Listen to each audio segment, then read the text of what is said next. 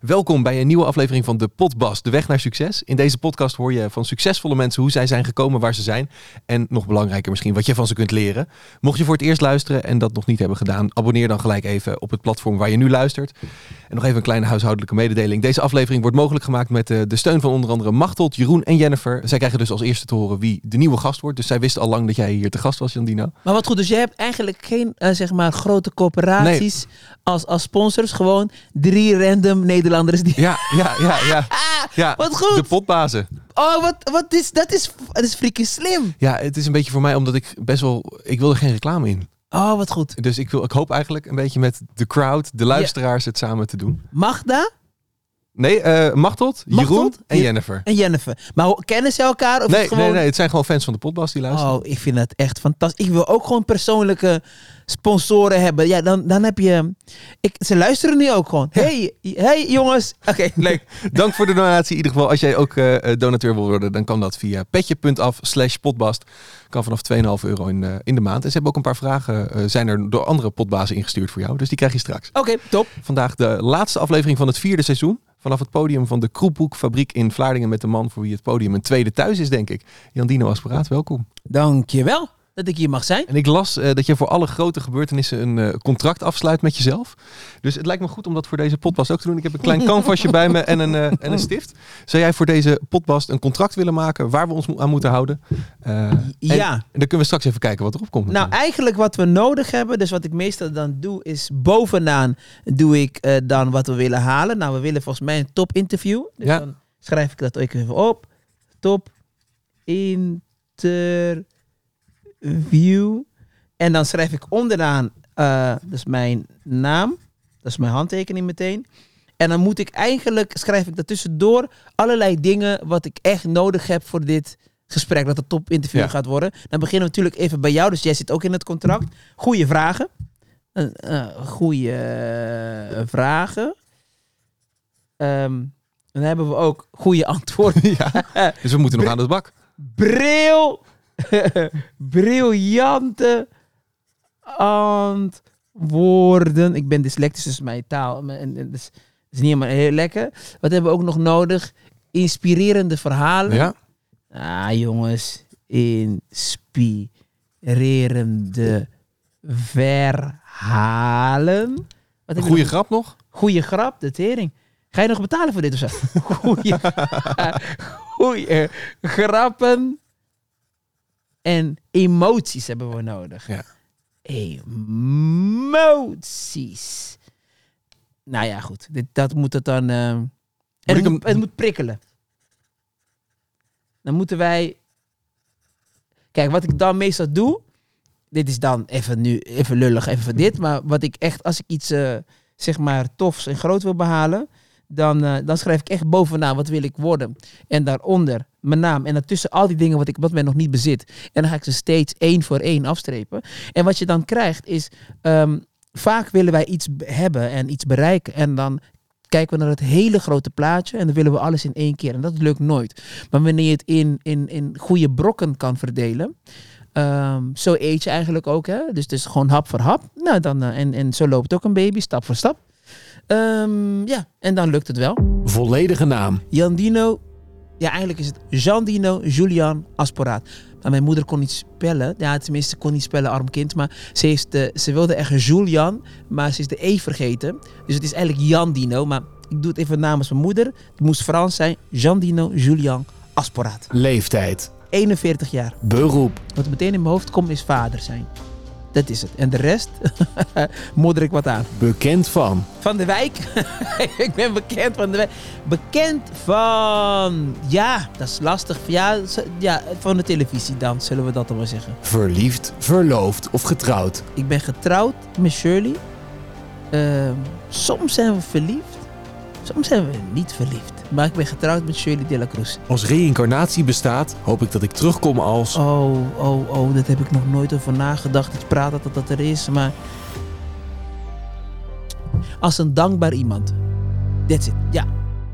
Wat was voor jou de allereerste keer dat je bewust een grap vertelde? Ik gebruikte het altijd zeker. eh, vanaf kleins al. En ik gebruikte het ook op school. Maar bewust een grap, dat was bij Fanatics. En dat was in het jaar 2003. Ik presteerde Fanatics in het, eh, dat was toen nog ehm Nighttown. Dat is nu gesloopt. Het is nu een Chinese supermarkt geworden. Maar dat was Nighttown. Dat was een van de beroemdste clubs op Kruiskade. En ik las in de krant dat er ehm eerst een vrouwelijke dirigent was. En dat was een, eh, een, een, een witte dame. En dat stond in de, volgens mij was de AD. En ik presenteerde gewoon een talentenjacht. Maar ik wilde, ik denk, nou weet je, ik ga gewoon tijdens de talentenjacht, ga ik af en toe gewoon proberen een grap te vertellen. En als ze reageren, leuk, dan was een grap. En als ze niet leuk reageren, ga ik gewoon door alsof ik gewoon een nieuwsfeitje bracht. Dus, maar ik zag gewoon op een gegeven moment, en toen dacht ik, de eerste vrouwelijke dirigent. En ik zag haar zo heen en weer gaan. En ik zag hoe mijn moeder ons vroeger, zeg maar, klappen gaf. Maar mijn moeder sloeg ons niet zo hoor. Maar ik, ik heb dat zo, zeg maar, wel een beetje van gemaakt. En toen zag ik mijn moeder dus op die pollepel. Toen heb ik eh, van de vier tijden van Vivaldi ergens één stukje gepakt. En ik weet niet meer welke, van het winterstuk. Anyway.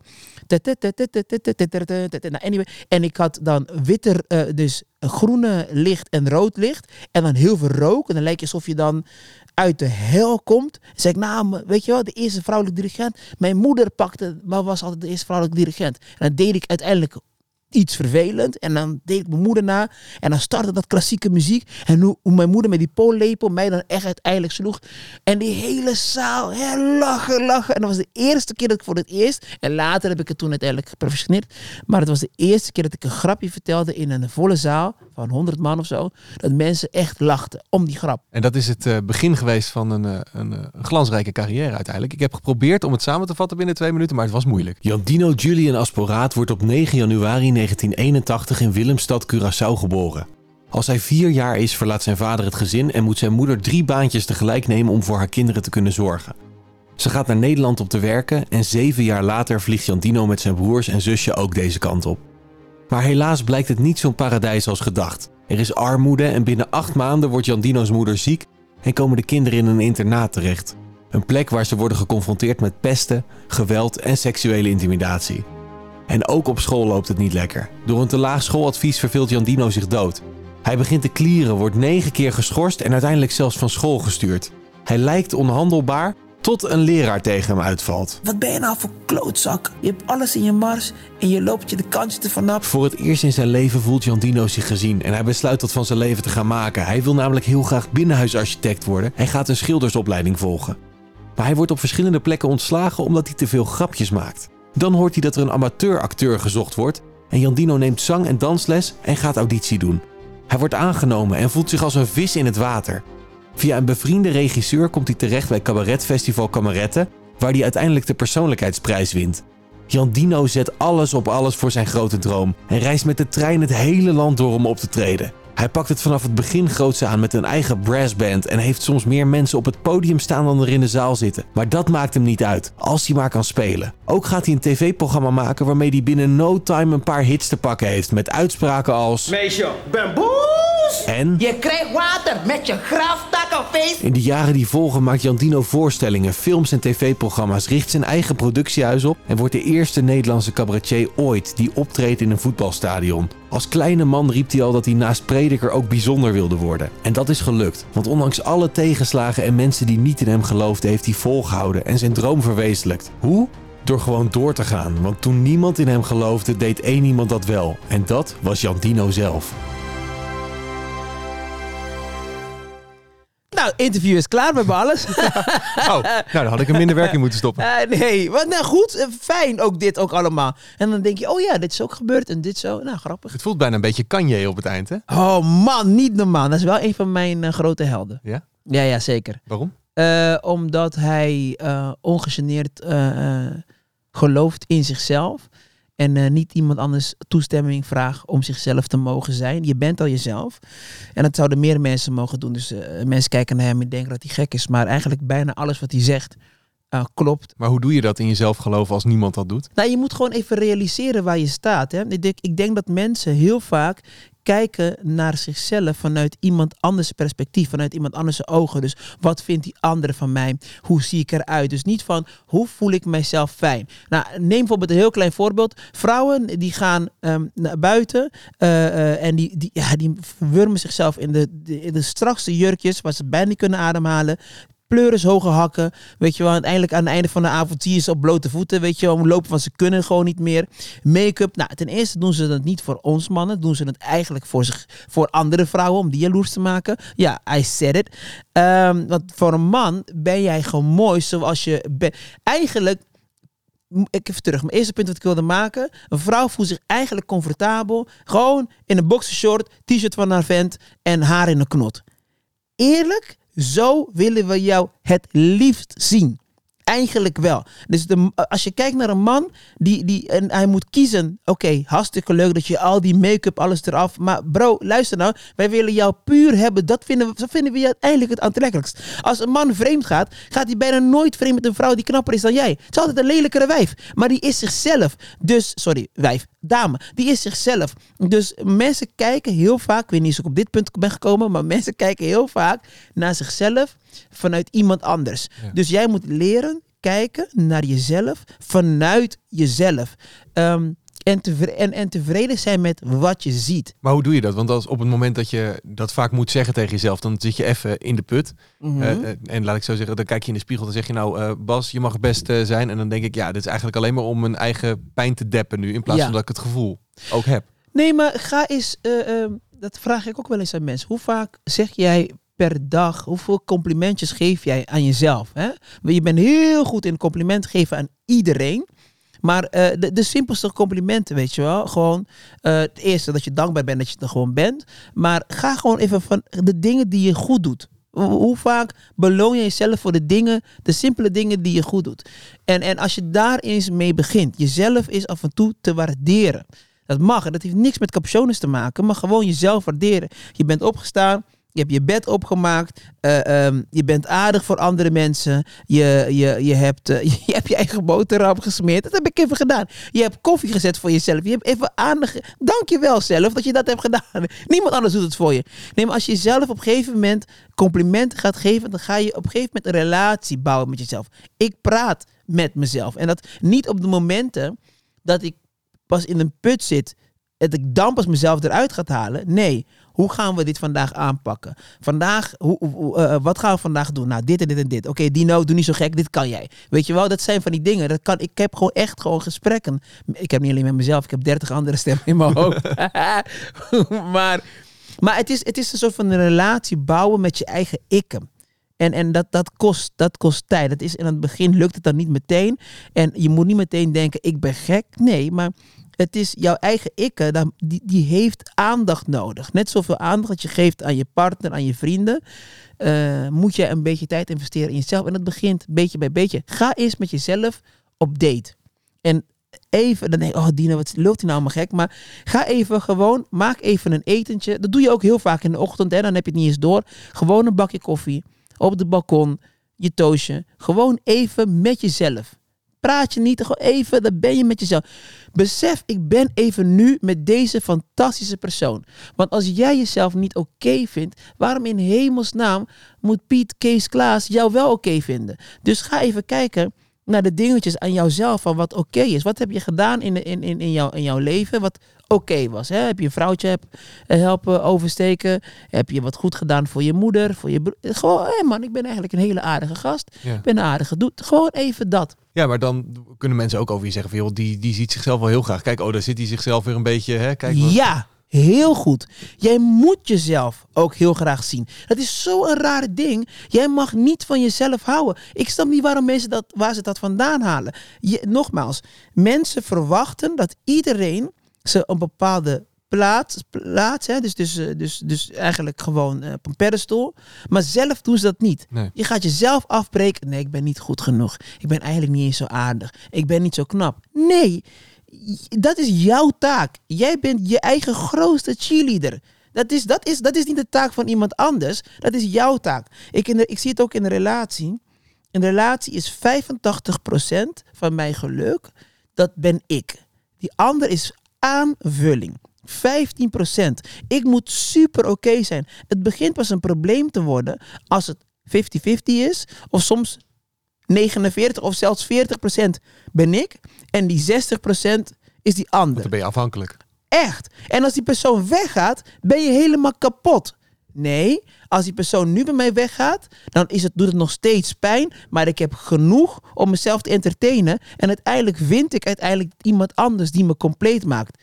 Maar ik zit echt op 85% en echt niet daaronder. Maar hoe heb je dit aangeleerd? Want dit is er niet altijd geweest, ga ik vanuit. Toen ik jong was, ik heb ontzettend veel meegemaakt. Ik denk dat, dat ik ben daar ook dankbaar voor, voor alles wat ik heb meegemaakt. Ik kan heel goed zien van wat er ook goed gaat. Dus ik zie wat er niet goed gaat. En ik zie wat er niet wel goed gaat. En denk ik, jeetje man, dat heb je gewoon, heb je gewoon overleefd. Als mensen hè, dus zouden gaan kijken naar bijvoorbeeld, nou, je hebt misschien een klote werk, maar je gaat. Je staat elke dag op, je gaat. Je, je hebt het moeilijk op school. Maar je doet het. Je gaat leren. Je hebt geen zin, maar je pakt jezelf op. Ehm, je bent heel lang niet gaan sporten. Op een gegeven moment, na maanden, misschien na twee jaar, je bent aangekomen. Maar op een gegeven moment je beslist, je gaat toch. Had je niet hoeven doen. Je had jezelf helemaal voor kunnen vreten dat je doodgaat. Je had niet hoeven op te staan. Je had van een brug kunnen springen. Heb je niet gedaan. Op het moment dat je weer, wederom jezelf gewoon even gaat analyseren. Wat gaat wel goed in je leven? En dan begint het op een gegeven moment een soort van een energie, een magneet. En dan begin je opeens allemaal goede dingen te zien. Zeg maar dat doemscenario creëer je realiteit. Hè? Want dat is angst. Hè? En dat, is, dat gaat zoveel energie opeisen. Mensen worden ziek van dingen die eigenlijk nog niet eens is gebeurd. Stress geeft zoveel dat, dat, dat is oorzaak van zoveel ziektes. En mensen hebben dat niet. Dat creëren ze. Nou, voor hetzelfde moment dat je de hele dag kan piekeren. Oh, dit gaat niet goed, dit gaat niet goed, dit gaat niet goed, dit gaat niet goed. Dan word je gewoon. Je wordt er gewoon misselijk van. Weet je, je hebt die pijn in je maag. Voor hetzelfde geld ga je gewoon proberen te leven van. Dit gaat gewoon goed. En je dealt met de ellende pas als je daar bent. En waarom zeg ik dit? Dit doe je de hele tijd, maar andersom. Je bent de hele dag bezig met angst. En pas het goed is gaan, denk je, oh, gelukkig het is goed gaan. Maar je hebt vijf dagen, heb je je lichaam kapot gemaakt. Het is vermoeiend. Nou, probeer jezelf eens aan te leren. Doe het even 50-50. Dat je net zoveel aandacht geeft aan het positieve, als je doet aan het negatieve. Laten we eens teruggaan naar die kleine Jandino. Je begon er al een beetje over, opgegroeid eh, in Curaçao natuurlijk. Hè? Maar wat ik las in je boek was dat je opgegroeid was tussen de grappenmakers en de verhalenvertellers. Als er een klein ding gebeurt was, of niets eigenlijk, dan werd het verteld alsof de derde wereldoorlog was uitgebroken. Ja, we zijn, we zijn heel dramatisch. Ik denk dat sowieso, eh, eh, ik wou zeggen Caribische mensen, maar laten we even focussen op Curaçaoenaren. We zijn uitbundig, we zijn dramatisch. We dramatiseren alles. Als mijn, ik heb ooit een keer mijn vader en mijn tante eh, verhalen van vroeger horen vertellen. En toen dacht ik, oh, daar heb ik het dus vandaan. Ik, ik was erbij. Het was echt niet zo heftig. maar als ze praten, hè, de handen komen erbij, de dit. Oh mijn god, heb je. En dan dat denk, wauw. Eh, het is, het- terwijl het eigenlijk gewoon... Je ziet het verschil met ehm Postco Loterij. Als bijvoorbeeld een eh, witte eh, stel wint, hè, en dan winnen ze bijvoorbeeld een miljoen. Of twee of drie of zo. En dan is het altijd van ja, niet altijd, maar vaak van ja. Nou ja, we gaan, ja, gaan even kijken. Ja, misschien met de kinderen op vakantie. Weet je, dat ik denk, oh mijn god. Nou, en dan heb je bijvoorbeeld, vorig had het een, eh, een, een, een, een zwarte dame uit eh Spijkenisse. Nou, die won 20.000 euro. Nou, ik denk dat zij gewoon, ik denk dat ze half Dubai al had gekocht ge- in haar hoofd. Oh, maar iedereen bellen. Ik denk, doe dat nou niet, dan weet je dat je geld is. Maar gewoon zo, ah, en er komt zoveel eruit. Ehm, terwijl, het, ja, je zou bijna denken dat zij die 3 miljoen had gewonnen. We, we, we- we zijn gewoon wat vuriger en dat, daar heb ik het wel een beetje van. Ja. Eigenlijk moet je jouw verhalen met een zak zout nemen, als ik het zo hoor. Ja, niet eens een korrel, maar echt gewoon... eh, Hele strooiwagen. ja, ja, ja. Als ik bijvoorbeeld nu in mijn, in mijn nieuwe show Perspectief, dan heb ik het bijvoorbeeld ook weer. Ja, ben weer vader geworden. En eh, de bevalling, hoe ik dat heb overleefd. Of, of, ja, ik zeg ook overleefd, maar het is echt overleven. M- mij, de bevalling van Nio ook weer. Eh, dit keer ben ik niet flauw gevallen. Ehm, maar bij eh, Elijah en bij Emily ging ik echt bijna neer. Maar bij Elijah was het echt dat ik echt gewoon later, dus ze moest bij mijn vrouw wat knippen, want lijntje moest er echt op dat moment eruit. Maar ik wilde niet kijken. En mijn ogen hadden zoiets van, ja, wij kijken wel. En, en op een gegeven moment, ik zie ze dan in mijn beleving gewoon een heggenschaar en een koevoet bij mijn vrouw naar binnen doen. Maar het was eigenlijk gewoon zo'n klein schaartje. En toen ik dat knipje hoorde, zo, en het is gewoon een knipje.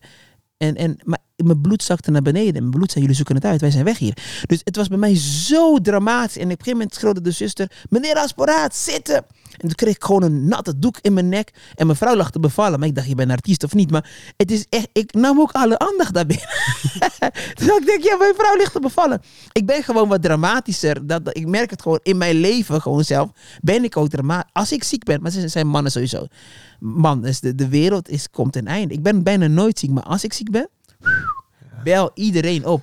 Ik wil echt aandacht Een hebben. soort pandemie is het, maar dan alleen bij jou. Ja, maar echt pandemie, hè? Niet, niet het neppe shit wat je nu hier hebt. Echt, de- als ik ziek ben, dan is het echt pandemie. Dan staat Ernst Kuipers alweer achter zijn, eh, achter zijn, eh, zijn desk. Ja, ja maar dan moet het land op slot. Ja, dat vind ik wel. Dat is de enige keer dat ik denk dat een lockdown gewoon ge- geoorloofd is als Dino ziek is. Als klein mannetje had je dit natuurlijk ook al. Want jij, jij vertel, had ooit een keer voor ophef gezorgd in de wijk... omdat de geiten van jullie de tuin van de buurvrouw hadden leeggegeten. Nou, maar dat was ik dus zoiets. Dus we hadden de, de geiten niet op slot, eh, tenminste achter slot en grendel gedaan.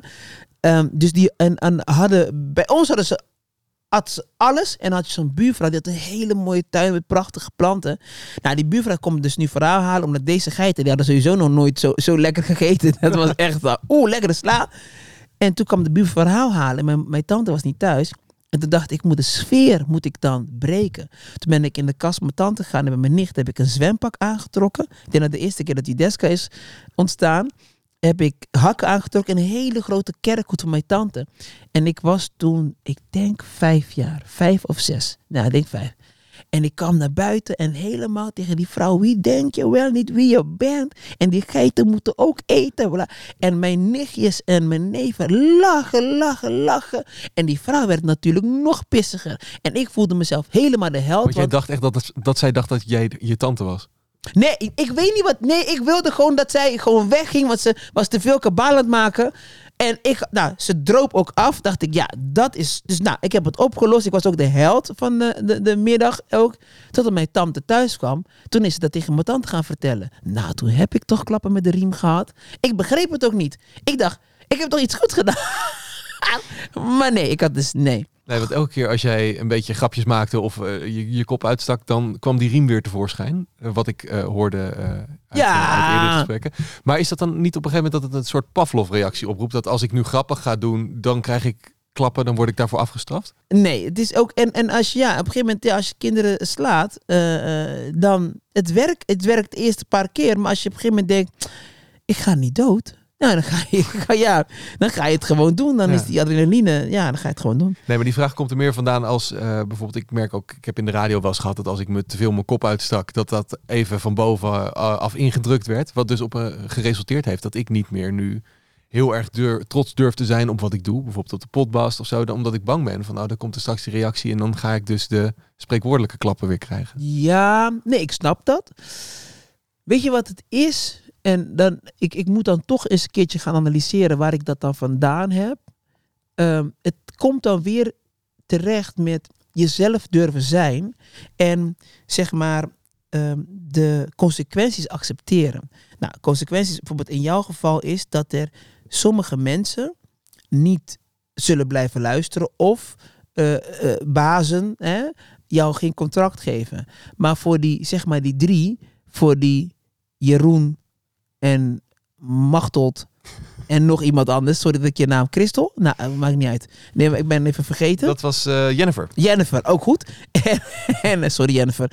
Ehm, ah, dan is in mijn beleving, daar moet ik het dus voor doen. Ja. En ik heb echt heel veel keuzes gemaakt in mijn leven wat niet populair was. Wat ik wist, het is niet populair. Maar wel, zeg maar, ik kon blijven bij mezelf. Ja. Dus wij moeten op een gegeven moment de moed en de kracht ontwikkelen. Dat wij dus genoegen nemen met wat wij krijgen. En accepteren van, als ik dit doe, als ik zo ben, dan krijg ik dat voor terug. In plaats van, weet je, ik ga toch maar me een beetje aanpassen. Want dan kan ik nog, zeg maar, dit blijven doen. Maar ik wil niet luisteren naar een gemaakte versie van jou. Ik wil zeg maar luisteren naar jou. En misschien levert jou dat niet heel veel geld op, want dan ben ik naast die drie, ben ik de vierde. Dat je denkt, nou, maar ik wil uiteindelijk een grotere publiek. Maar ik ben toch van mening dat, kijk, je bent langer dood dan je leeft. Je, je gaat dood. Ik had een keer een heel mooi gesprek met iemand. En dat ging over de hiernamaals, waar ik wel in geloof. Alleen ik weet niet zeker of ik nu terugkom als, zeg maar, een mens. Dat weet ik dus niet. Het kan ook zijn dat ik terugkom als een boom of iets anders. Het is allemaal energie. Dus als je de hele tijd bezig bent met de hiernamaals, dan wordt het beter. Vind ik sowieso een beetje raar. Ja. Dat, dat, dus, dat heb je ook vaak gehoord. God heeft dan, hè, stel voor, geloof in God. Die heeft een prachtige plek gemaakt. En dan loop jij de hele dag rond. Eh, nee hoor, de volgende plek is beter. Dit is niet echt goed genoeg. Ik ga niet echt genieten ervan. En, en, en dan, dan, eh, dit is zogenaamd een hele grote test. Of je het waard bent om in het volgende leven te zijn. christelijke gedachtegoed. Ja, maar stel je voor dat dit namelijk wel paradijs is. En je kan alles zijn wat je wilt zijn in dit leven. En zelfs wanneer je arm bent. Want toen ik heel arm was op Curaçao, was ik heel gelukkig. Ik kwam pas achter dat ik arm was toen ik in Nederland kwam. Want toen ging de focus op alles wat ik niet had. En op Curaçao was het de focus op alles wat ik wel had.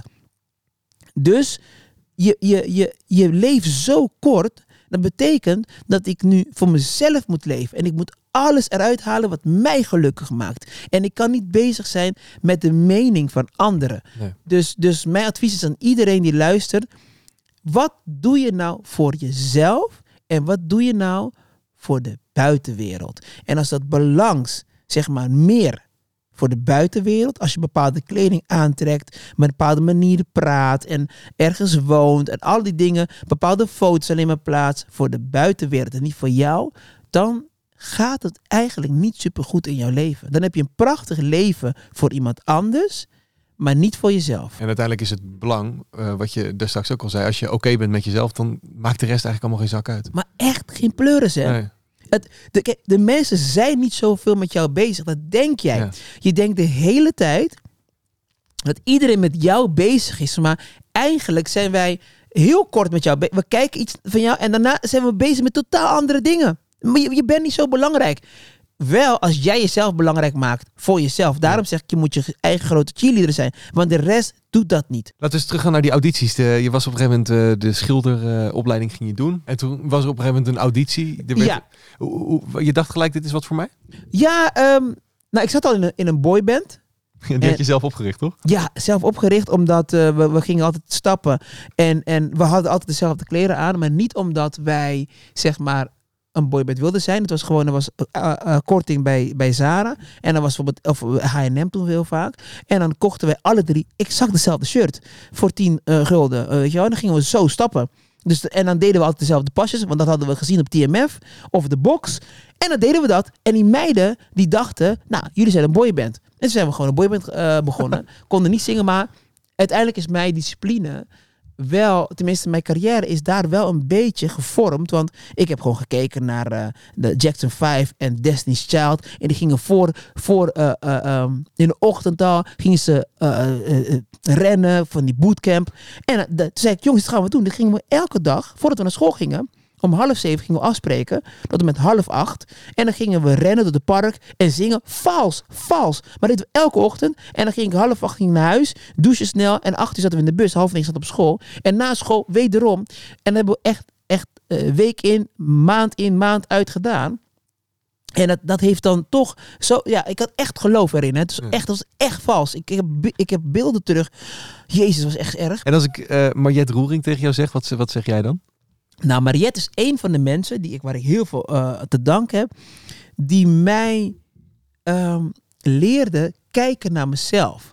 Maar eh, dat was bij Young Station was regisseuse. Maar ook een beetje therapeut. En, en, en, en, en, en hoe noem je dat? Een, een, een social worker. Eh, Die, die, die, die kan heel goed met, zeg maar, beschadigde zieltjes werken. Eh, ehm, die kan je gewoon zeggen, ja, maar wacht even, focus even. Dit is wat je wel goed doet. Dus dat heb ik ook een beetje van haar. Mariette heeft een eh, berichtje voor je. Hey Dino, je theatermoeder. Omdat ik aan het begin van jouw glansrijke carrière heb gestaan en trots op je ben. Dat je zo hard werkt, dat je zo lang, zo duurzaam bezig bent. En vooral dat je ook heel veel andere mensen helpt. En dat je nu zelf aan de wieg staat van allerlei talent. En mede daarom wil ik je eigenlijk vragen of ik misschien mag promoveren. Dat ik de titel van theatermoeder inmiddels mag inruilen naar theateroma. Omdat ik nu gewoon rustig achterover kan zitten. Want jij doet zulke goede dingen. Daar haal ik het niet bij. Dus met alle liefde ga ik met pensioen. Dag lieve Dino. Ja, wat een fijne vrouw. Ja, Mariette heeft echt heel veel voor mij, maar ik denk ook wel heel veel anderen ehm, eh, betekend. Het zijn mensen die echt even zichzelf opzij zetten en, en andere mensen laten, laten, laten, laten schijnen. Schijnen, wilde ik even zeggen. Hoe belangrijk zijn zulke springplanken? Mensen die wel in je geloven en je zo verder helpen. belangrijkste. Dat, dat, dat is eigenlijk waar het om gaat. Dus niet een hele dure opleiding. Dus niet geld en eh, fans. Nee, nee, nee. Iemand die jou kan draaien naar binnen toe. Ze deed ook heel soms gewoon echt zo op je borstkast, weet je wel, hier. En dan dacht ik, oké. ehm, Me too. ja, me too. Ja. Auw. Ehm, maar die, die eff- even naar binnen. Je moest steeds naar binnen. Ik denk, wat is daar binnen? En dan moest je steeds naar binnen en, en die connectie maken. Dan ging ze knipperen met de vingers. zo. En dan moet terug en erin. En daarna begreep ik het. Ik weet nog dat ze naar een voorstelling van mij kwam kijken. Dat ik, eh, dan deed ik het niet goed. Ik was weer kantjes vanaf aan het lopen weer. En toen zei ze ook van, nee, dit is gewoon niet. Wat ben je aan het doen? Terug naar binnen. En dan had ik opeens, een, dat was Buena Vista, had ik opeens een knijtergoede voorstelling. Maar haar vraag, mag ik met pensioen, mag ik je theateroma worden? Ja, dat is als ze, als ze ja, maar dan wordt ze echt, als ze, als ze een, als, als, als, denk, Maria is de oudste, dan zou Maria kind moeten krijgen, haar dochter. Ehm, dan mag ze oma worden, maar die, die heeft te veel leven, joh. Die blijft gewoon theatermoeder. Ja, omdat jij nu een beetje theatervader bent geworden voor sommige Oh ja, maar dan wordt ze theater. Ja, oké, dan wordt ze Het theatermoeder. wordt Ja. moeilijk hè dit? Het is- Ja, theateroma. Ja, dan wordt ze. Ja, oh, wacht. Oké. Thea- Ja, Mariette, goedgekeurd. Je bent theateroma. Want jij bent nu ook eh, theatervader een beetje geworden. Je zet je veel in voor, voor jongeren, eh, bezoek jeugdgevangenissen. Waarom is het zo belangrijk om die dingen te doen? Er zijn mensen, bijvoorbeeld ook in, in, in die jeugdgevangenissen, ehm, de maatschappij is te vergeten. Hè? Bijvoorbeeld eh, dan door bepaalde ah, ja, keuzes van ouders, familie, een sociale achtergrond, economische achtergrond, hebben ze het niet oké. Hè, dan laten we nu even kijken naar kinderen bijvoorbeeld uit de toeslagaffaire. Die zijn nu al beschadigd. En de kans is groot dat zij uiteindelijk ehm, eerder in bepaalde situaties komen waar dat kan resulteren tot problemen. Wat wij dan heel vaak doen is, wij vergeten heel vaak mee te nemen waarom is iemand in zo'n positie. Het is niet mensen zeg maar opeens een ei op de boog geven, maar probeer nou eens even na te gaan hoe komt zo iemand in zo'n positie. En dat doe je door met personen te praten. Wanneer ze eenmaal uit zo'n gevangenis zijn, dan verwachten wij dat zij weer in de maatschappij komen. Maar als je ze nooit een kans geeft, ehm, alleen maar verwacht het nog slechter gaan doen. Ja, wat weerhoudt hun om het nog slechter te doen? Dus dan is het slecht voor hun, maar ook slecht voor mij. Want we leven allemaal in deze maatschappij. Dus het is mijn verantwoordelijkheid, vind ik, en ieder, om af en toe eens even iemand te bezoeken. En ook te zeggen, te praten en te zeggen van ik, ik verwacht wat van jou. Wat mijn leraar ook ooit tegen mij zei. Uiteindelijk, misschien in andere woorden. Hij noemde mij toen een klootzak, omdat ik de kantjes vanaf liep. Maar wat hij zei was, jij hebt kansen en ik verwacht wat van jou, maar jij verpest het. Dus zo'n gozer of zo'n dametje moet weten, na elke keuze volgt er weer een keuze. Het houdt niet op. Hè? Het is elke keer weer een keuze. En afhankelijk van je vorige keuze bepaalt wat voor opties je hebt. Het kan nog erger, nog erger, maar nog erger, nog erger. Snap je? Of iets minder beter. Ja, iets minder erg en misschien zelfs beter. Dus ehm, dat is wel een beetje het verantwoordelijkheid die we allemaal hebben. Jouw eh, moeder is een belangrijke eh, vrouw voor je in je leven. eh, Ja. Terwijl zij eigenlijk niet wilde dat jij het toneel opging. Zij wilde mij beschermen. Ook weer de onzekerheid. Hè? Zij zei tegen mij: nee, dit is eigenlijk alleen voor witte mensen. Want zij zag alleen maar witte mensen succesvol zijn. Dus eh, zij zag niet ja, andere bruine mensen. Alhoewel hadden we later Jurgen Rijman toen op de televisie. Maar zij zag dat niet. Dus zij dacht: je gaat teleurgesteld raken. Dus niet doen. En mijn moeder wilde dat ik of advocaat werd of dokter. Nou, ik ben dyslectisch, dus ik kan, als ik moet lezen de hele tijd hoe dat gaat, dan niet zo goed. En dan gaan de letters dansen en ik kan niet tegen bloed, dus dokter werd het ook niet. Ehm, toen ik op een gegeven moment, mijn moeder dacht, ja, ik heb allemaal risico's genomen, weet je, offers, en dan ga, gaat hij hier grapjes lopen maken. Maar ze is toen naar een voorstelling geweest, ook dat was met Mariette, en dan hadden we, gingen we koken en dan, voorstelling was eigenlijk helemaal niet zo goed. Zijn kijkvoorstelling was dat. Alleen wat mijn moeder toen zag, was dat ik gelukkig was op het podium. En toen, na die keer, gaf ze mij haar zegen. En dat heb ik ook weer geleerd dat ik mijn kinderen. Ze mogen alles worden wat ze willen, als ze maar gelukkig zijn. Er is geen, bijna geen beroep dat mijn kinderen kunnen kiezen, waarbij ik kan zeggen van, nee, dat ben ik niet mee eens, behalve het crimineel beroep. Pooier. Ja. Ja, een pooier, weet je, nou ja, als jij een deel krijgt, ja, dan... als- weet je dat ik denk, nou ja. Nee, daar zit ook een schoonheid in. Ja. Nee, maar eh, eh, de kern van het verhaal uiteindelijk, wat mijn moeder wilde, die wilde mij, eh, zeg maar, beschermen tegen pijn. Ehm, uiteindelijk zag ze dat ze mij moest loslaten. Ja. Maar de, de, de, het werken van je moeder, wat ze ook zegt, ik heb de kansen gegeven, dat resulteert bij jou ook in een falen is geen optie. Dus het moet altijd maar beter, eh, groter, Ja. succesvoller. Ja. Ik probeer er steeds minder van af te komen. Veel meer af te komen in die zin dat het... Ik heb bijvoorbeeld een paar jaar geleden zei ik, ik wil geen contract meer bij televisie. Dat was bij RTL.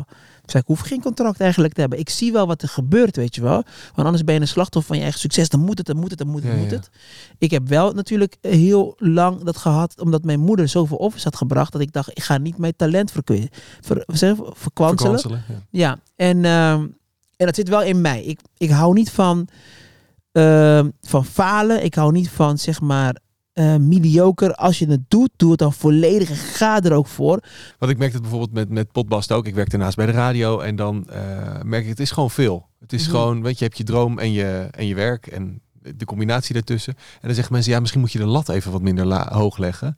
Maar dan heb ik het gevoel van, ja, maar dan, dan Ja. lever ik niet wat ik wil leveren. Ja, nee, het is dus niet het lat verlagen.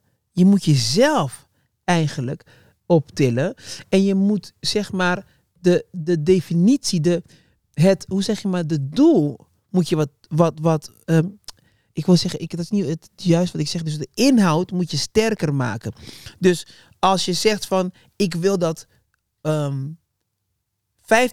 50.000 mensen naar mij luisteren per keer als ik live ga, dan is dat eigenlijk een nutteloze doel. Want dat kan. Ik kan nu zorgen, ik beroof een bank en ik ga nu, ik ga zometeen live en ik ga live vanuit daar binnen. Dan heb ik de beste, best beluisterde podcast. Maar als het is van, ik wil dat er tenminste één iemand die nu luistert, ga effect, dus zeg maar, dus, dus eigenlijk beïnvloed wordt, gemotiveerd, for whatever reason, dan heb je een, zeg maar, een heel, het is niet een, het is makkelijk te halen, is één persoon, maar het is wel een hele hoog, dus je moet wel iets leveren om die Ja. ene persoon te bereiken. Kwaliteit in plaats van kwantiteit. Ja, dat is wat ik eigenlijk zocht om te zeggen. Dus, dus dat is eigenlijk meer waar je naartoe moet gaan, weet je wel. In plaats van effect, Ja. weet je wel. En wanneer is goed goed genoeg? Wanneer jij terug kan kijken en zegt, ja, je bent tevreden. Je voelt dat of zo. Ja. Dat je denkt, het is eigenlijk goed. En goed genoeg voor jezelf. Ik heb vandaag weer wat bereikt, weet je. Ik heb vandaag weer een stap genomen. En, en, en dan wordt het... Ik ben nu met natuur bezig. Weet je, dat is als je... Weet je, zijn soms van die mensen die kunnen op straat lopen... blote voeten. Die kunnen genieten van een vlinder. Die kunnen... Oh, een vogel. Die kunnen genieten van geluid. Die hebben... Elke dag maken ze die stofjes aan. En die hebben dus uiteindelijk al... 15 keer vandaag gewonnen. Jij loopt op straat... en je hebt niet door. Iemand heeft je net voorgelaten. Je bent net door drie stoplichten, die waren alle drie groen opeens. Ehm, je hebt je bus wel gehaald. Eh, je hebt een meevallertje op werk. Je hebt allemaal iemand zei: Hallo, goeiedag. Het, als ik nu al die dingen gewoon eens even gewoon gaat nemen als winst. Dat je denkt, jezus, dat is vermoeiend. Nee, maar even serieus. Neem even, want ook weer terug, want daar begonnen we ook een beetje mee. Je, let, je, je telt wel al die pleuris dingen op. Dat niet goed ging. Iemand die je zagrijnig aankeek. Iemand die je voorliet die niet, zeg maar, dankjewel zei. Eh, dat, dat weegt heel zwaar. Nou, probeer eens even al die winsten op te tellen wat je hebt. Ja, En als je zelf tevreden bent, is het goed. ja. Ja. zei mijn moeder ook altijd. Als je bidt voor iets, bid voor dankbaarheid. Want wie dankbaar is, heeft genoeg. Dus stel je voor, die denkt van, oké, ik, ik wil gewoon, ik wil gewoon dankbaar zijn. Gewoon, ik wil gewoon dankbaar zijn.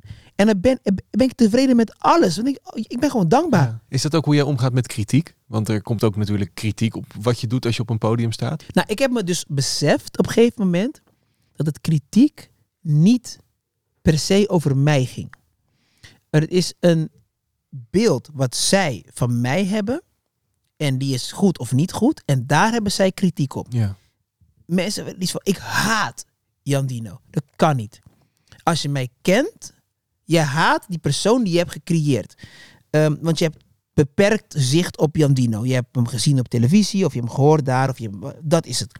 Maar ik ben zeg maar een 100% guy. Dus dat betekent dat je mij eerst moet leren kennen, voordat je mij kan haten. Ik zeg oprecht, want zoveel hou ik van mezelf. En ik ben echt een oké jongetje. Als je mij kent, dan hou je van mij.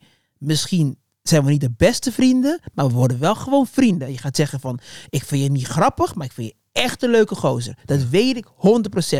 Als jij van mening bent dat ik niet oké ben, dat is omdat je mij niet kent. Ik heb nog, ik moet nog iemand tegenkomen. Oké, ik heb, nee, ik moet- nee, die me echt kent. Die zegt van, mensen zeggen wel eens tegen mij, hey gast, hey, eh, nu ik jou ken, weet je, ja, ik kijk niet naar je films, maar eh, ik vind je echt een topgast. Denk, ja. want nu heb je iets meer en, over mij. En dan weet je dat je mij niet alleen moet beoordelen op een film of een grap of whatever. Nou, hoe ik omging met kritiek aan het begin, ik had dat ik uiteindelijk, ik weet nog dat ik bij de Lama's meedeed en dat ik op, toen werden blogs nog geschreven voor mij. En ik kwam net daar, het was nieuw, ik was, het was eh, awkward. En nou, toen gingen blogs. eh, en Linda 88 was het ergste. En dat ging over, nou, ik moest kanker krijgen, ik moest dood, ik moest een kogel door mijn kop.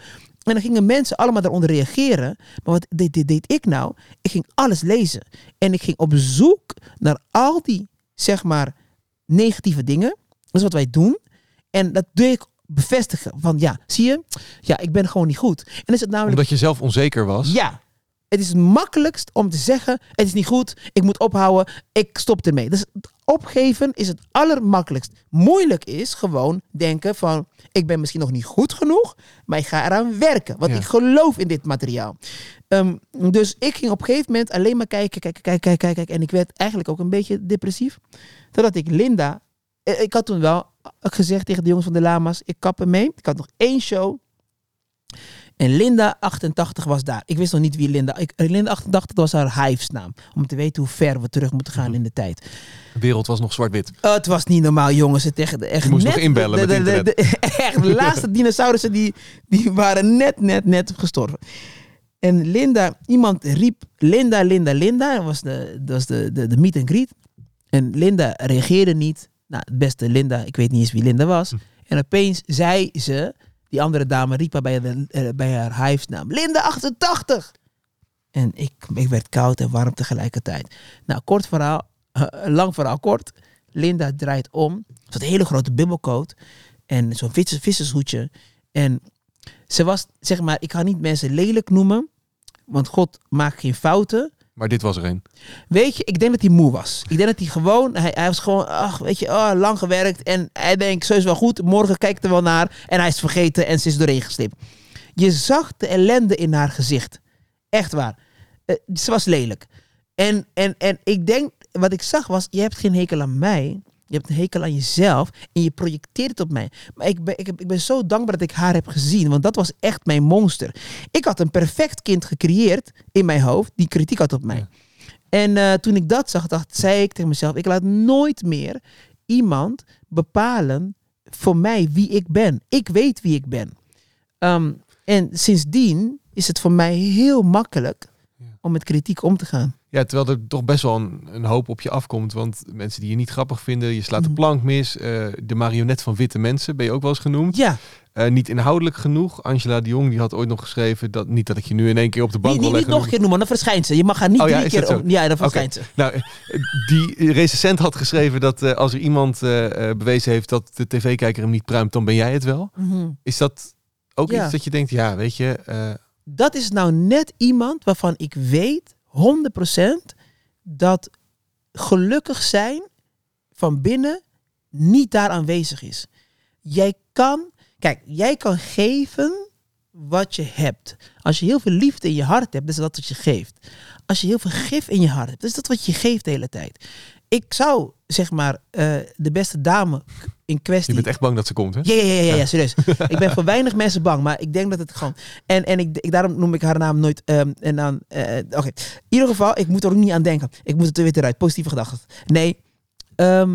stel je voor, ik had zeg maar mensen zoals haar geloofd. Die vanaf het begin al dit zeiden. Ehm, ik weet nog toen ik mijn film ging uitbrengen. Bombini? Bombini, ja. Ik had, daarvoor werd ik altijd, zeg maar, eh, ik werd nooit audities aangenomen. En als ik werd aangenomen eh, als figurant, werd ik altijd eruit geknipt. En op een gegeven moment haalde, haalde een schouder van mij. Dat ik denk, eh, dat is mijn schouder. Toen dacht ik mezelf, waarom ben ik steeds aan andere mensen aan het vragen voor permissie om te zijn wie ik ben? Want ze zeiden tegen mij, je hebt gewoon niet een hoofd voor een liedspeler en helemaal niet de romantische comedy. Toen ben ik mijn eigen film gaan schrijven eh, de juiste mensen bijgezocht, hard gewerkt. En nou, toen kwam die film, zeiden ze, 60.000 mensen gaan er kijken. Misschien. Reken op 40, maar misschien 60.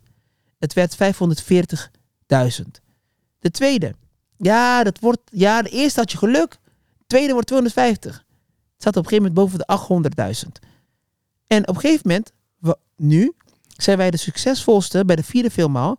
eh, Nederlandse filmfranchise van de afgelopen decennia. Ja.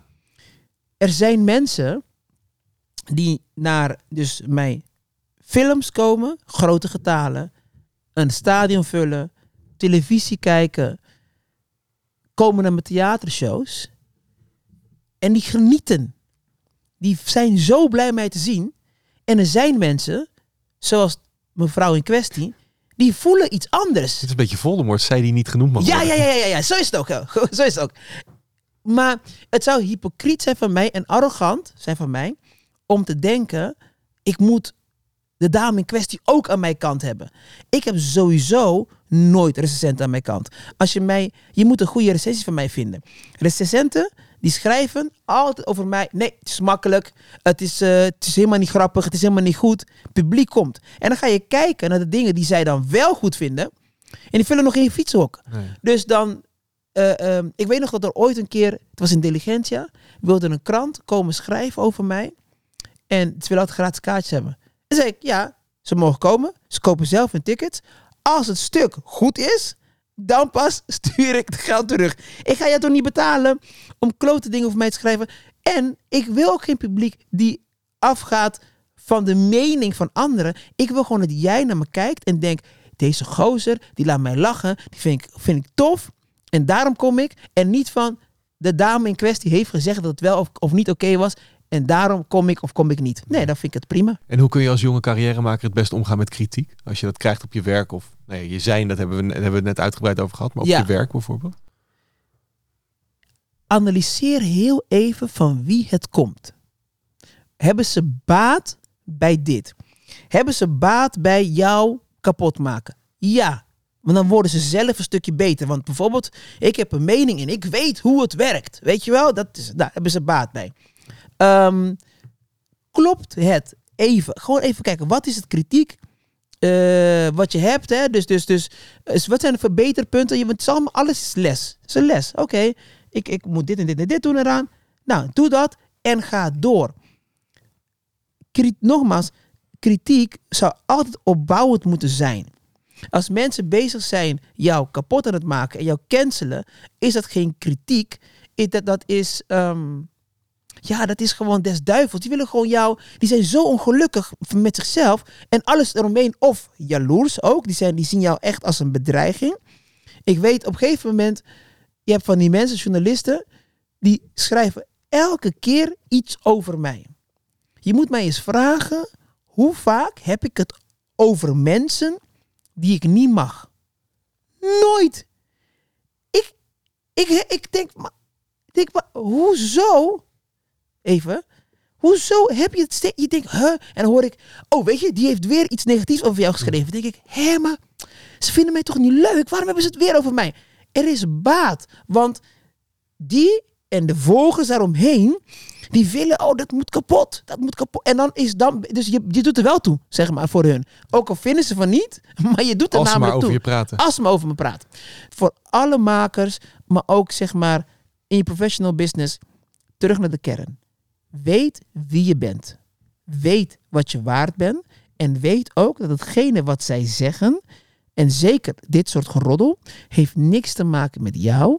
Heeft te maken met hun eigen tekortkoming. En soms ben je zelf een spiegel voor hun. Dat reflecteert voor hun iets wat zij haten aan zichzelf. Ja, Jan Dino is te vaak op televisie. Hij heeft een mening. Wat jij net hebt gedaan, is ook een mening. Jij hebt. Of zeggen mensen, wel eens, op, lees ik het wel eens, maar nu kan ik gewoon lachen om al die dingen. Eh, sorry, maar wie is dit? Ik ga, eh, eh, dit is toch, waarom, waarom krijgt dit persoon aandacht? Denk ik, dat is wat jij aan het doen bent. Je bent nu letterlijk aandacht aan het geven aan hetgene wat jij zegt, moet geen aandacht hebben. Nou, het is wel grappig. Ja, het is, het is soms het is gewoon komisch. Ja. Ik zei het straks al, hè, deze podcast wordt mogelijk gemaakt door de potbazen. Ja. Eh, eh, Machteld, Jeroen en eh, Jennifer, die hebben onder andere deze aflevering gesteund. Maar er zijn er nog meer, die hebben ook een, vraag ingestuurd. En dat kan voor jou ook als je nu luistert. Eh, word potbaas via petje.af slash potbast. Eh, en de eerste vraag die komt van Kees. Casey! Contabay, Jandino. Hey. Kees hier, het permanent. Ik heb een vraagje. Jij hebt in het verleden heel wat typetjes gedaan met veel succes. Waar heb jij die inspiratie vandaan? En kijk je overigens met een schuin oogje naar Wendy van Dijk, hoe zij Oesie van Dijk imiteerde en mensen de maling nemen. Is het ook wat voor jou? Moslimmels. Yes, nou, Kees sowieso goed, hè? Dat hij zijn papiermens even... Ik weet niet, misschien is Kees ook een Antilliaan, dat weet ik niet. Ehm, nee, ik kijk niet met een schuin oog naar eh, eh, Wendy van Oeshi. Gewoon recht. Recht, ja. ik vind het heel leuk. Ik vond- Oeshi altijd super leuk, super grappig. En mijn inspiratie kijk, krijg ik gewoon van, eh, van ja, op straat, kijken naar mensen. Ik was op Curaçao, kort daarna was ik in Suriname. Toen maakte ik ook wat mee. Ik kwam bijvoorbeeld een, was een blokker. Was niet eens een- ze hebben gewoon op Marktplaats hebben ze de logo van Blokker hebben ze gewoon gepakt. Hebben ze daarvoor gezet. Ze hadden niks van Blokker daar binnen. En ehm, die dame stond voor de schuifdeur. Dus ik kom binnen, schuif gaat open. Het staat voor de opening. Kijk me gewoon dwars om me heen aan. Ik ben gewoon gewend als ik ergens binnenkom. Goeiedag, dat is wat ik gewend ben. Dus ik loop langs haar, ik loop terug. Ik zeg, mevrouw, moet u mij niet groeten? Zij kijkt me aan en zegt, hoezo? Ik ken je toch niet? Maar ik denk, je werkt hier. Maar toen dacht ik, wacht even, want ik werkte toen zelf ook in de winkel, of winkel gewerkt. In Suriname bijvoorbeeld, in het begin zijn ze nog wat afstandelijker.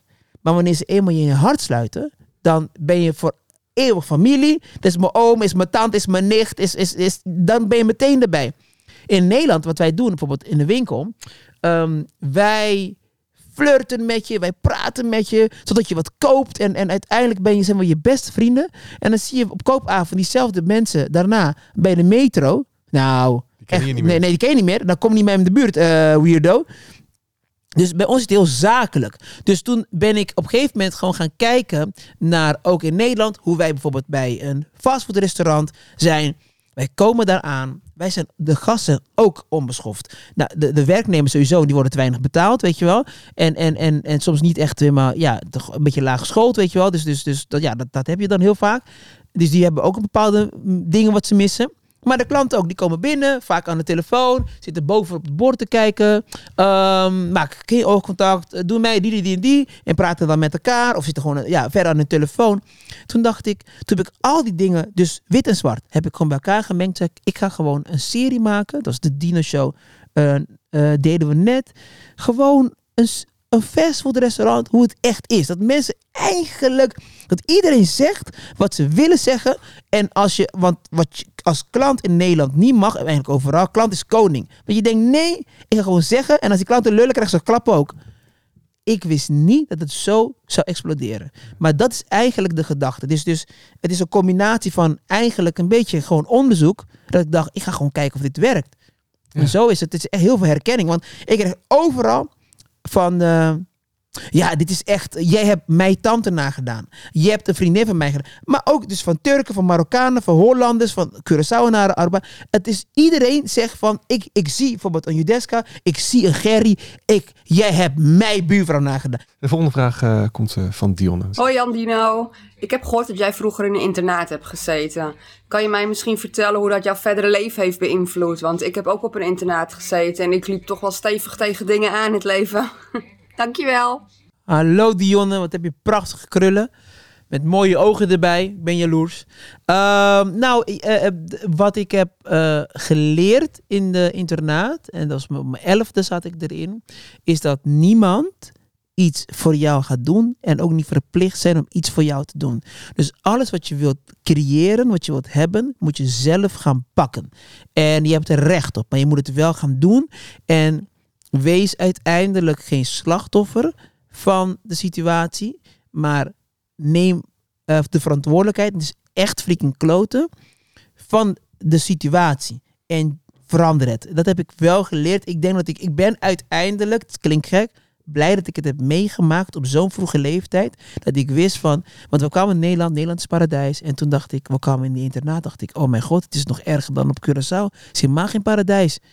En, en toen ik wist van, oké, Dino, je moet het zelf gaan doen. Ja, en, en nu merk ik ook, ik heb er echt wat aan gehad, weet je wel. En ik heb ook andere mensen die ik ken, die eigenlijk ook in het internaat hebben gezeten, maar die hebben juist heel veel problemen. Maar die blijven, ja, het is lullig om te zeggen. Misschien is de vraag van, de uitdaging is voor, voor mensen om te kijken hoe neem ik verantwoordelijkheid van de situatie. In plaats van zeggen neem verantwoordelijkheid, maar dat is jouw uitdaging om te kijken hoe word ik de baas van dit en niet de slachtoffer. Eh, maar ik adviseer mensen om wel dat te doen, ja. Ja. Er is nog één vraag en die kwam van eh, geen, niet een, eh, een- een donateur, maar wel een oud potpasgast en een gabber van je. Andino. Hey! Gabber. Nou, als ik aan jou denk, dan denk ik aan eh, ongeveer eh, de meest productieve collega die ik ken. Ik heb je steeds beter leren kennen. Eerst als gabber en later echt als vriend. Er zijn weinig mensen die zoveel doen. eh, zowel eh, in theater, maar ook ehm, nou, op Curaçao, waar je eh, allemaal weer projecten uit de grond aan het stampen bent.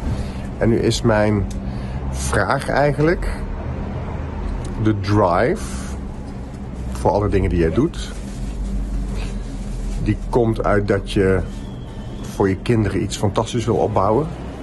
Maar de vraag is, denk je wel genoeg aan jezelf? Ja, Eh, ten eerste dankjewel uh, Guido. Ik denk steeds beter. Eh, we, ik ben wel bezig met de, de, de, de kleinkinderen van mijn kleinkinderen, zeg maar. Onze kleinkinderen, ook die van jou. Ik vind wel dat, dat, dat ik vind het wel zo eerlijk, weet je wel. Omdat, maar soms heb ik wel iets van, Dino, en die kleine Dino moet ook een beetje aandacht krijgen. Maar hoe doe je dat? Dat weet ik niet per se. Die date met jezelf. Ja, het is raar, hè? Omdat je namelijk, je kan zeg maar altijd heel goed, zeg maar, ook die tips geven aan anderen. En Ja. dan, als je helemaal weer bij de kern komt, bij jezelf, dan is het toch wel moeilijk. Het, het gaat veel beter dan vroeger. Ik moet zeggen, we zijn bijvoorbeeld een eh, fantastische park aan het bouwen op Curaçao. Wat binnenkort open gaat. Is echt een hele mooie park. Dus ik ben heel veel. Dat zijn dingen die me gelukkig maken. Dus eigenlijk denk ik wel aan mezelf. En hoe ouder ik word, denk ik hoe meer ik dan in, zeg maar, in, in lijn gaat komen met mijn purpose en wie ik ben. En dat, dat gaat steeds beter. Maar als je zo creatief bent als ik en alles, dan ben je ook gewoon te veel bezig met andere dingen. Dus af en toe een date met jezelf is goed. Ik moet vaak met mezelf op date. Zou mijn vrouw leuk vinden. Ja. Ik zie de kop al in de krant. Jan Dino, ik moet meer met mezelf daten. Ja, je Dino deed zichzelf. Ja, maar goed. Aan de looks ligt het niet hoor, Nee. jongens. ik ben gewild in mijn hoofd. Ik sluit de potbas vaak af met de potbas sticker. Waar ga je hem plakken? Nou, dit moet wel even op een plek. Ik denk dat ik meteen. Dit gaat naar eh, Elijah, ten eerste mijn zoontje, want die gaat het helemaal geweldig vinden. Dus die gaat in zijn kamer, op zijn kast. Dus dan gaat hij naar kijken en ik kijk er dus dan elke dag ernaar. Omdat ik in zijn kamer kom, dat ik hem wakker moet krijgen en zo. Nou ja, hij wordt ook vaak... Nee, jawel, ik moet hem wakker En krijgen. dan word je Dus weer herinnerd aan het date met jezelf. Ja, ja, dit is eigenlijk wel goed. Ik ga dit wel, ik ga dat verhaal er wel erbij vertellen. Date met zichzelf. Nou, Elijah veel dates met zichzelf. Die, die, die heeft niet, niet zoveel nodig hoor. Nee. Die, eh, die heeft goede gesprekken met zichzelf. Samenvattend, als ik vraag hoe word je succesvol, wat zou je zeggen? Door te investeren in jezelf. Like, that's it. Period. Investeer in jezelf. Nou, dan is het een goed moment denk ik om te kijken naar eh, ons contract. Oh ja. Hebben we het gehaald? Goeie vragen. Nou, je hebt, dat, dat, die ga ik voor jou. Een Vinky. En je goede vragen. Briljante antwoorden. Zeker, Op, ja, zeker. zeker. Inspirerende verhalen. Nou, ik hoop dat dat, dat is dat wat de luisteraar uiteindelijk gaat zeggen. Maar we gaan gewoon nu een, quizje doen. Gewoon tevreden. Als wij tevreden zijn is het goed, toch? Ja, ik heb je een paar keer zien grinniken. Dus we hebben goede grappen verteld. er zaten emoties erin. En eh prikkeld. En nou, eigenlijk, ik, ik, ik, ik word zelf, als ik meestal aan het praten ben met iemand, dan ik luister ook wel. En dan denk ik, oh ja, ik word weer gemotiveerd. En het is hoe ik ben begonnen. Ik ben begonnen eigenlijk, dat ik zei, dat weten jullie dames en heren niet, dat ik nog last had van de jetlag. En meteen tijdens het interview, mijn energie kwam terug. Dus ik, heb, eh, ik ben ook geprikkeld. Dus ja, bij deze contract is geslaagd. Dus het was een topinterview zoals erboven Het staat. was een top interview. Gefeliciteerd vriend. Jij ook, dankjewel. Dit is hem Jan Dino, het einde van de 49ste podcast. Gefeliciteerd. Ja, jij ook. Ik ben heel gelukkig. Ja, ben je blij? Nou ja, het, ik voel mij zeg maar verrijkt in, met dit gesprek. Ja, dus ik eh, ook. ik hoop dat ik je nog kan bellen. Als ik gewoon een beetje down ben, dan ga ik gewoon met jou praten. Dus elke keer als ik Jan Dino zie op mijn telefoon, dan weet ik, oh, hij is weer down. Oh Gaan ja. we weer. Nee, misschien ben ik heel vrolijk en dan wil ik gewoon nog vrolijker worden. Kan ook. Laat Ik het zo. vind, ik vind het helemaal goed. Als je er ook van genoten hebt van het gesprek, geef hem dan vooral een, eh, een duimpje op het platform waar je nu luistert. En abonneer vooral even. Dan, eh, dan ga je het eh, zeker de volgende gesprek ook horen. Want na de zomer zijn we weer terug. Mocht je hier eh, van genoten hebben en wil je meer Jan Dino, dan kun je naar de bioscoop. Ja, want ik ben nu te zien in de bioscoop. En wil je komen feesten? En dan heb ik een hele grote festival. 16 juli in Hoevenpark. Kom lekker dansen. En is het ook altijd zo dat de, de Judesca's en zo er ook allemaal in zitten? Of is dat... Nee, nou, ik heb wel eens bij I Love Urban ehm, dat eh, gedaan, ook nog een Judeska.